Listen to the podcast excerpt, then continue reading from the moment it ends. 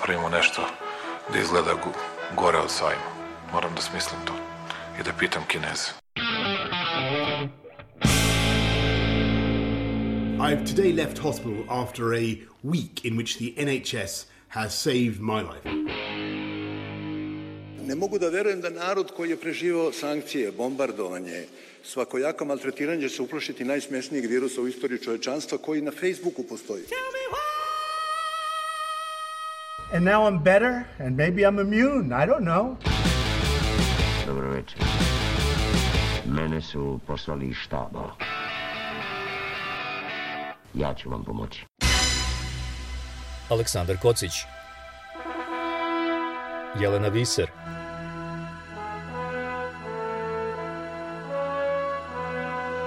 Radio Karantin Hronika istorije u nastajanju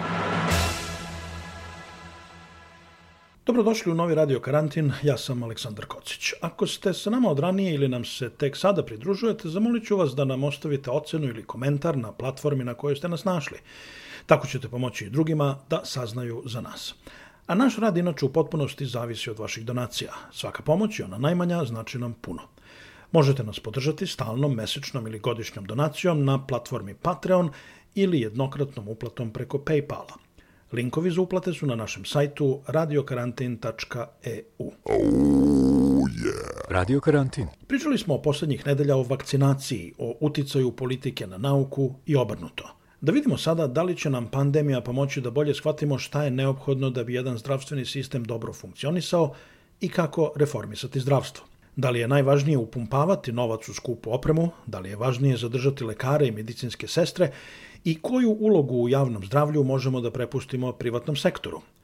Moj gost danas i sutra je u Londonu dr. Ozren Tošić, specijalista javnog zdravlja, medicinski savjetnik kompanije Pacific Knowledge Systems u Australiji i koordinator za reforme zdravstvenih sistema pri Evropskoj banci za obnovu i razvoj.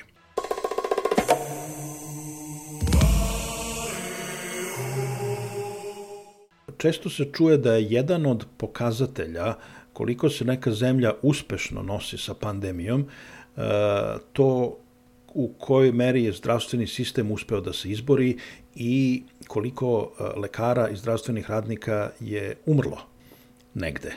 Pa se to uzima kao eventualno neko merilo e, uspešnosti borbe protiv COVID-a. Da li je to, po tvom mišljenju, relevantan parametar?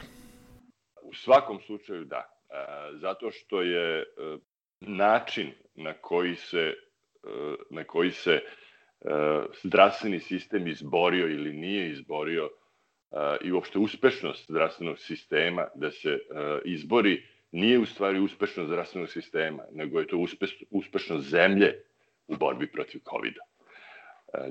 Ako, ako, ako zemlja kao što je Novi Zeland i Australija je uspela da primeni e, javnozdravstvene protiv e, pandemijske mere e, bez, bez ikakvog učešća zapravo zdravstvenog sistema, ono što mi kažemo da je zdravstveni sistem, a to je zatvaranje granica, ograničavanje kretanja kada je to bilo potrebno, jako strogo pridržavanje pravila. Na primjer, vi ste u Australiji, ako se pojavite na ulici bez maske, imali biste veoma, veoma veliku kaznu da platite.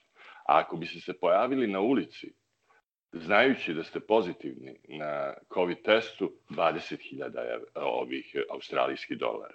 Dakle, tu su bile jako, jako stroge e, mere koje nisu imali veze sa zdravstvenim sistemom, već sa političkom odlukom da se tome pristupi na naučni način da po savetu javnozdravstvenih radnika, jer tu su pogrešile, recimo, zemlje kao što je Velika Britanija i mnoge druge zemlje, koji su mislili da je dilema između zdravlja i privrede. Ta dilema je potpuno lažna. Zdravlje i privreda moraju zajedno da idu. Jer ako, ako ljudi nisu zdravi, onda nema, nema ni privrede, nema ni ekonomskog rasta, biznis propada. E sad, imali smo na više mesta e, nekakva e, poređenja da li su se demokratije ili autokratije bolje nosile sa pandemijom, e, ali mene zanima, to je više jedna politička podela i možda možemo da kažemo, kad pogledate tamo gde su populisti bili na vlasti, kao što je Trump, kao što je Bolsonaro u, ovoj, u Brazilu i tako dalje, išlo je lošije. Šta može da se kaže o tome koji zdravstveni sistemi su bolje prošli u ovoj pandemiji? I da li uopšte je takva podela moguća?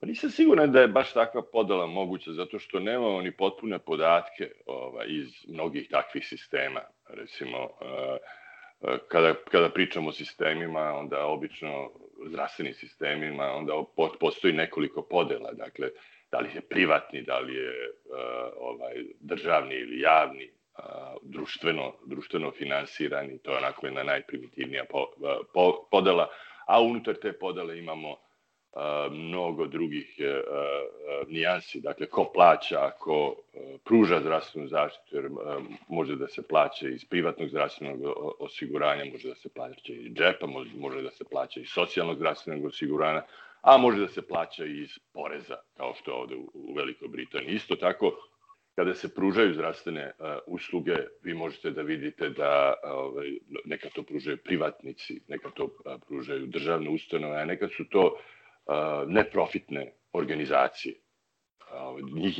njih začudo da ima dosta, recimo, u, velik, u uh, Sjedinim američkim državama i pod njima takođe pod tim, po tom uh, kapom neprofitne organizacije takođe imate razno razne ovaj, varijante od kojih neke u stvari shvati da, da uopšte nisu neprofitne organizacije. Zašto ovo priča? A, pričam zato što a, e, ne možemo, ja mislim, da a, e, tu e, a, ovaj, opredelimo se koji je sistem bio bolji. Ali sa jednom a, zadrškom, jer a, moramo da, da, da, da znamo da je jedan od osnivača javno, javnog zdravlja uopšte kao koncepta u, u, u zdravstvenoj industriji, da tako da kažem, je bio Andrija Štampar ovaj, i e, koji je potekao iz Zagrebačke škole e, javnog zdravlja. Isto tako moramo da, da, da znamo da su javno-zdravstvene e, aktivnosti tipa vakcinacije uvek bile jako uh, uspešne u socijalističkim zdravstvenim sistemima, gde je uh, centralizovano vođeni zdravstveni sistem u kome se znalo ovaj, ko ovaj, plaća ili ko vodu nosi, ne znam kako, kako ovaj, da, da se izradim, ali, ali ovaj, Dakle, u, u, u zemljama kao što je naša bila zemlja Jugoslavija, mi smo, mi smo sećam se, imali uh, uslov da bi se upisali u prvi razred osnovne škole da budemo vakcinisani. To nije moglo da prođe u zemljama koji, koji su stavljale, e, barem deklarativno, e, pojam građanske slobode i slobode odlučivanja na prvo mesto i e, koji su, s druge strane, razvile mnoge druge načine kako da se, da se na prijem napravi dobro pokriće vakcinama u, u populaciji što bi moglo da se, da se kaže da je možda i, i korisnije i na dužu, na dužu neku, na, na duže vreme mnogo korisnije za, za društvo. Zašto se države danas boje toga, obavezne vakcinacije? Pa zato što mešaju javnozdravstvene probleme sa pitanjima i javnozdravstvena pitanja sa pitanjima slobode e, odlučivanja i građanskih sloboda. To, to nije isto vi možete, mislim, zašto onda upotrebljavamo semafore? Ko meni da kaže da ja mogu da, da, da ja moram da stanem na crveno svetlo? Ali postoji javno zdravstveni razlog zašto ja treba da stanem na crveno svetlo, zato što da ne bi udario od ono, e, u, u, u nekoga, e, na nekoj raskrsnici ili da, ili da pređem e, da, da pređem pešački prelaz kada je, kada je zeleno. Zašto ja to mogu na crveno? Dakle, mislim, namerno tako karikiram da, da bi se videlo koliko je to glupo da nešto što je utvrđeno, da što je, što je, e, što je spasilo stotine miliona života, što je u, u nauci i u medicini najveće dostignuće istorijsko vakcine, da se to sad odjednom, ovaj, e, da neko kaže, e, pa to, to nije dobro, to je, to je protiv, protiv ustava, protiv a, mojih građanskih sloboda, A da ne govorimo o ovim drugima koji, koji ovaj, tvrde da, su, da, da, da je to Bill Gates ili, ili druge teorije zavere koje, koje su uključene u to. Tako da, mislim, zašto se ljudi boje? boje ja mislim da upravo to što ljudima nije jasno da, da, su, to, da su građanske slobode i ljudska prava ovaj, to nije isto što i javno zdravstveno pitanje. To je Australijancima i Novozelanđanima jasno. Zašto je njihov pristup e, toliko drugačiji? Jer su oni prosto ispali pametniji od svih nas ili postoje neke specifičnosti koje drugde ne postoje? Ja sam živeo i radio u Australiji, baš kao lekar i, ovaj, i Uh, oni su jako pametni što se tiče zdravstvenog sistema. Uh, imaju uh, jako informisan zdravstveni sistem. Dakle, tačno znaju, ja mislim da je to zdravstveni sistem koji najviše zna šta im se dešava. Mi recimo u Srbiji, ne, mi zaista ne znamo šta nam se dešava u zdravstvenom sistemu. Koliko koja bolnica ima uh, intrahospitalnih komplikacija, uh, koliko je pacijenata palo zato što uh, dok je hodalo uh, koridorom pa, pa, uh, bolničkim koridorom ili bolničkim hodnikom, pa, pa popolomilo nogu. Koliko je pacijenata bilo a, imalo a, dekubitus. To se postoji u Australiji, ali se zna koliko. I onda se na, na to, a, na to gleda i analizira i prave se planovi kako da se to smanji. Dakle, Australija je veoma informatizovan zdravstveni sistem, oni su najnapredniji u digitalizaciji svog, svog zdravstvenog sistema od ovih razvijenih zemalja. Pa do, mislim, sad ovo je neko, neko subjektivno, uh, subjektivno razmišljanje. Im, imaju jedan onako karakter koji je, uh, koji je, pošto sam živao tamo pa mogu da, da imam svoje, svoja neka zapažanja lična. Ja mislim da je, da je idealna kombinacija američkog pragmatizma i evropske uh, rekao bi, sofisticiranosti i istorijske svesti. Ovaj, tako da oni ovako imaju jako lep, lep pristup i e, društvenoj svojini. Da, evo, evo, ispričat ću vam sad jednu jako zanimljivu priču koju ja sam bio zaposlen od strane Ministarstva zdravlja kao lekar i kao takav imao sam i paketu za uh, uh, moje plate bio je i automobil koji sam mogao da upotrebljavam i u privatne svrhe. A, I onda je jedan moj komšija koji je dobro, ja mislim da nema ni nema uh, univerzitetsko obrazovanje, trgovac je uh, nekretninama. Posle dve nedelje je došao kod mene i pitao, ej, divan čovjek, zaista, lepo smo se odmah e, ukačili i počeli da družimo. A, kaže, ej, kao prijatelju, zašto ti voziš moj auto uh, preko vikenda? i ja gledam šta me pita, a, a onda shvatim da je ovaj auto koji ja vozim ima oznaku Queensland Health i da, je, da se vidi da je to državni auto. I, on, I tu shvatim da je čovek mene pitao kao što bi ja pitao svog prijatelja koji jako dobro poznajem, a koji mi je uzeo automobil bez da pita i, i odvezao ga i vratio ga. Istim uh, osjećajem vlasništva je on mene pitao zašto ja vozim njegov automobil. Dakle, tu je u, u, u Australiji je prisustvo, e, prisustvo eh, svesti o tome šta je moje i šta ja plaćam time što plaćam porez veoma, veoma razvijeno. I možda je to, evo sad kada, kada pričamo, nikome to nije pitao baš zašto, ovaj, hvala vam za to, ovo ću upotrebiti i, i, i, i posle.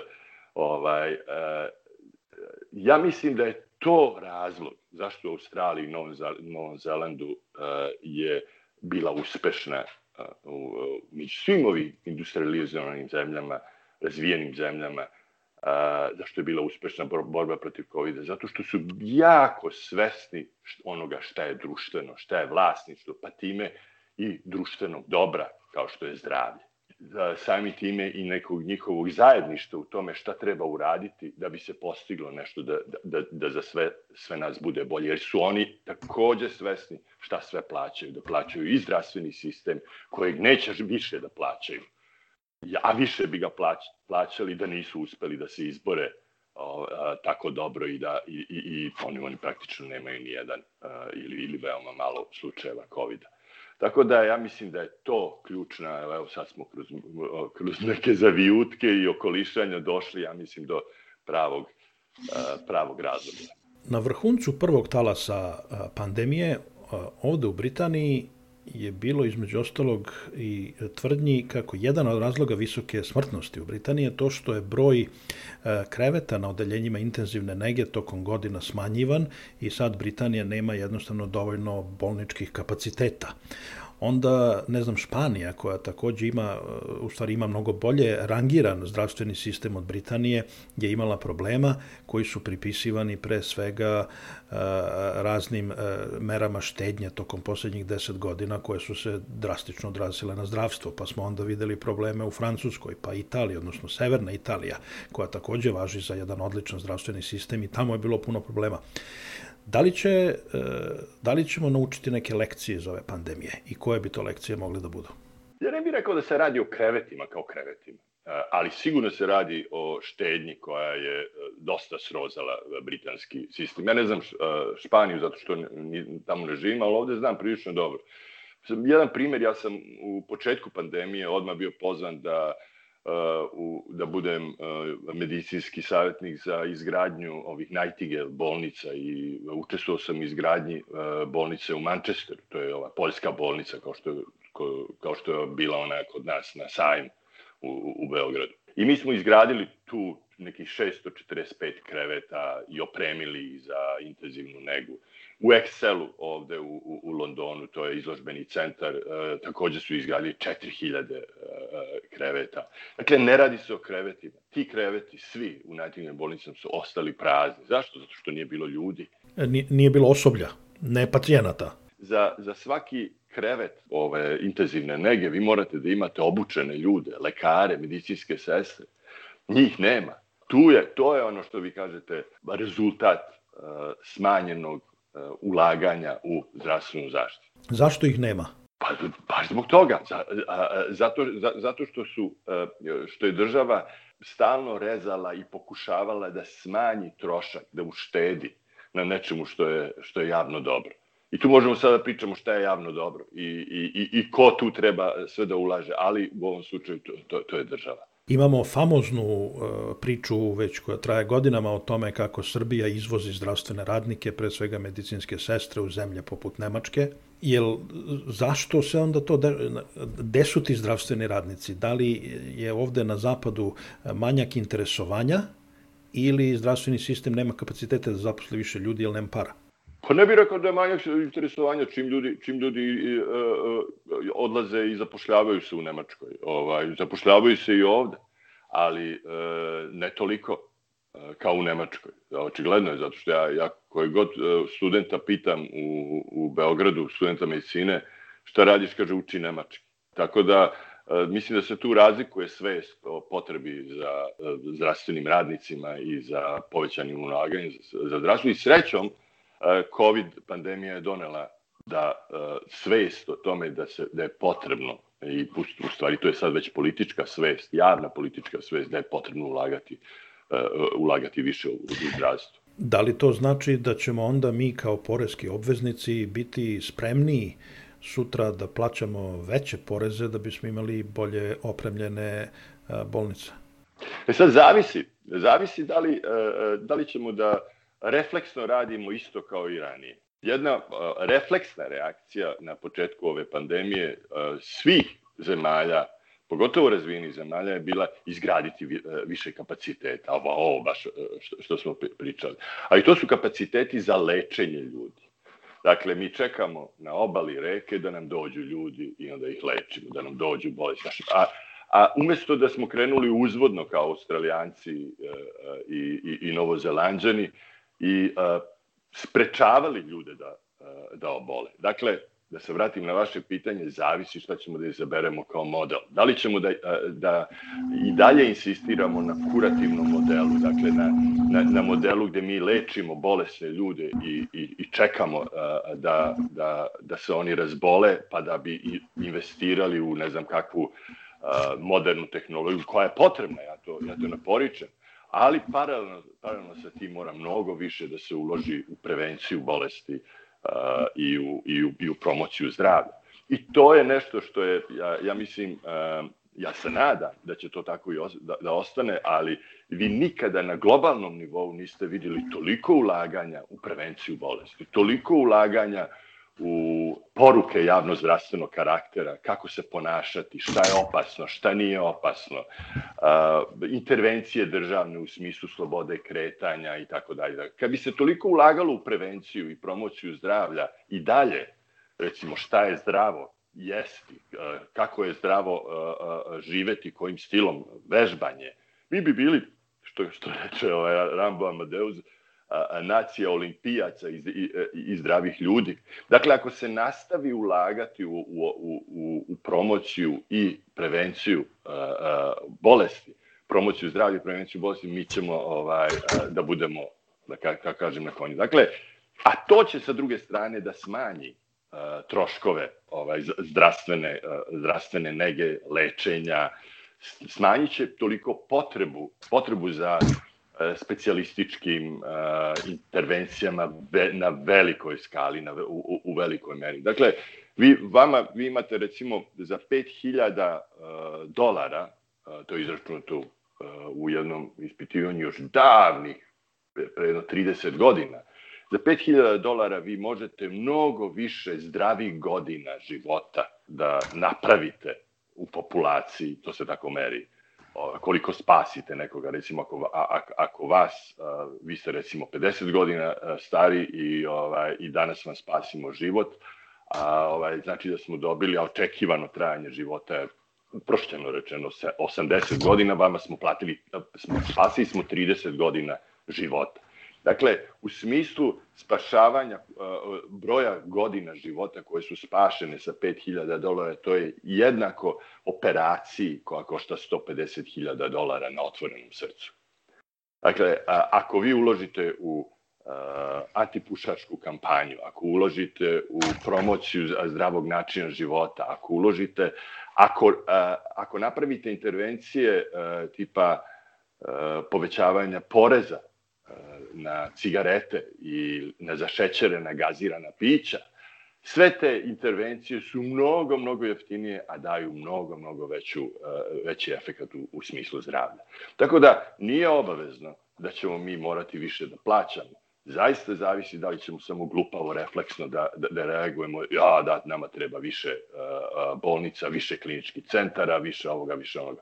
Ne, ne treba nam treba nam više primarne zdravstvene zaštite i treba nam više javno-zdravstvenog e, e, novca, javno-zdravstvenih investicija u poruke. Mislim, evo, neko će da pita, na primer, zašto se to ne radi? Da li bi vi, recimo, da vas pitam, da li bi vi, e, vi šta bi više platili? Da ne morate danas da odete u bolnicu uh, i da imate otvorenu uh, i da i da imate operaciju na otvorenom srcu Ili da, od, da možete da, da odete u bolnicu danas i da imate operaciju na otvorenom srcu sa najsofisticiranijom tehnologijom i najboljim stručnjacima na svetu. Šta biste platili? Da odete i da imate tu, tu, tu privilegiju da, da budete operisani od najbolje hirurga i u najboljoj bolnici ili da ne ode. E, da li je to e, e, neophodna dilema ili je to lažna dilema? očigledno da su ljudi više spremni da, da plate, da, da odu, da odu uh, u, uh, u bolnicu i da ih operiše uh, uh, svetski stručnjak uh, kardiohirurgije, nego da ne odu. Da ne odu u bolnicu su spremni da, da, da plate veoma malo. Zašto je to? Je li to ljudska priroda? Zato što gledamo kratkoročno. To je jednostavno e ekonomski, e ekonomska istina. Kada vi imate neki proizvod ili uslugu, bilo kakva da je, recimo neke krpice, Da, da li su vam potrebne? Nisu vam potrebne. Da, mislim, možete da kupite nešto, ali eto, kao svi, su, svi, svi uzimaju te krpice, baš zaru ili ovo ili ono. Ovaj, da, ali ćete, vi ćete, zašto ćete to da kupite? Zato što je što to iskače iz svih uglova a, vašeg vidnog polja i slušnog polja. Reklame vas bombarduju, kupite te krpice. Kupite to što vam nije potrebno. Dakle, što vam nije potrebno, a kamo li nešto što je potrebno? Dakle, mi ne ulažemo mnogo u kreiranje potražnje za preventivnim uh, uslugama i, i, i promocijom i, promo, i, i, i i uslugama promocije zdravlja. Da, da reklamiramo to toliko, da, da radimo kao ekonomija, kao, kao industrija na, u, i ulažemo u kreiranju potražnje za time, to bi ljudi tražili i to bi ljudi da tako uslovno kažem, kupovali, u stvari koristili. To je ekonomsko pitanje šta, u šta mi ulažemo, u koju vrstu e, u koji segment zdravstvene industrije, da li u preventivno promotivni ili u kurativni. Ima tu jedna teza, ne znam da li ćete da se složite, da je deo problema uh, u e, tome kako funkcionišu e, demokratski sistemi gde su mandati političarima ograničeni na 4 ili 5 godina i onda to na neki način stimuliše potragu za kratkoročnim rešenjima. Jer političari moraju da nešto prikažu za vreme svojih 2, 3, 4 godine na vlasti da bi eventualno dobili novi mandat. I to onda obeshrabruje dugoročna ulaganja, kao što je ovo o čemu vi pričate. Tu ste jako dobro rekli kratkoročni interes I sada, e, da li država, čiji su političari izabrani vođe i, upravljači, treba da potpuno vodi računa o zdravstvenoj industriji i zdravstvenom sektoru, ili delimično, ili nikako. Sigurno da postoje e, interesi društva da neke stvari se obavljaju od strane države, jer nikako ne mogu da bude ispla, budu isplative e, e, privatnom sektoru. Kao što su sofisticirane operacije, transplantacije jetre, bubrega, transplantacije srca, a koje moraju da postoje, jer to je, ipak je to neki društveni kapital da vi znate da ako vam bude trebala transplantacija jetre ili transplantacija bubrega, da možete da se oslonite na društvo, na društvenu zajednicu. To je jedan društveni dogovor. Međutim, opet se vraćam na, eh, na one modele eh, zdravstvene industrije i na interese privrede. Vi imate danas u globalizovanoj eh, privredi i u sofisticiranim tržištima, vi više ne prodajete samo ono kratkoročno, samo ono što ste danas napravili. Vi prodajete ono što ćete da napravite i za 20 godina. Tačno se zna cena nafte za 20 godina koja strašno pada sada, zato što se zna uh, da, e, da drugi izvori energije će da budu upotrebljavani. Isto tako i za sve ostale proizvode. Zna se koliko će biti vredni za 15, u stvari zna se. Dob, dobre su procene. I vi imate sada privredu i posao, biznis, koji, kojima je veoma bitno da li će da imaju zdravu populaciju za rad u bilo kojoj industriji. I koja je tu, tu uloga uh, biznisa? ja mislim da je uloga biznisa u tome da, da bude predvodnik u, u promociji i e, u, u promociji uh, zdravog života. Jer interes je biznisa da, da bude agent javnog zdravlja. To smo videli i danas i protekli, uh, protekli godinu dana. Uh, biznis je taj koji je bio veoma motivisan da uh, primeni protipandemijske mere u svojim fabrikama, u svojim kancelarijama, veoma brzo su se prilagodili na zdrav način života i na način života koji će sprečiti širenje, širenje zaraze. Zašto? Zato što imaju interes. Dakle, e, mi možemo da, da razgovaramo o... To više nije pitanje etike ili, e, ili morala. E, to je pitanje, zaista, opstanka i, i održivosti ekonomije A održivost ekonomije veoma, veoma e, ovaj, ima, imaju veliki interes, velike kompanije i male kompanije. Tako da je, ja se nadam da ta svest postaje sve veća, ali sigurno je, e, e, će tako, ja verujem da će tako da, i da ostane, da će biznis da bude u stvari glavni nosioc javnog zdravstva, dakle onoga najefikasnijeg dela zdravstvene industrije koji održava ljude zdrave, održava ih radno sposobnim. Pre neki dan smo imali na fakultetu FEFA u, Beogradu webinar sa privrednicima i sa zdravstvenim ekonomistima koji su upravo, upravo to rekli da je poverenje recimo ljudi u poslodavce sada jako poraslo. Zašto? Zato što što njihovo, njihov život ovisi i, i plata ovisi o, o, o tome da li će uh, E, taj posao e, da se nastavi ili će da propadne ili će da, da bankrotira. Dakle, ljudi sada imaju isti, što se tiče zdravlja, isti interes kao i, e, kao i biznis.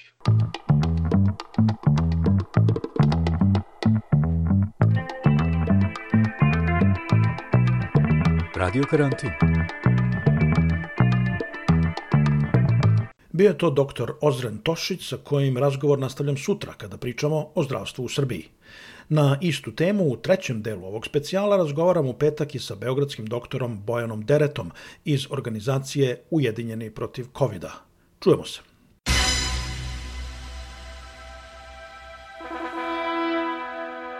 Moramo da napravimo nešto da izgleda gore od sajma. Moram da smislim to i da pitam kineze. I've today left hospital after a week in which the NHS has saved my life. Ne mogu da verujem da narod koji je preživao sankcije, bombardovanje, svakojako maltretiranje će se uplošiti najsmesnijeg virusa u istoriji čovečanstva koji na Facebooku postoji. And now I'm better and maybe I'm immune, I don't know. Dobro večer. Mene su poslali štaba. ja ću vam pomoći. Aleksandar Kocić Jelena Viser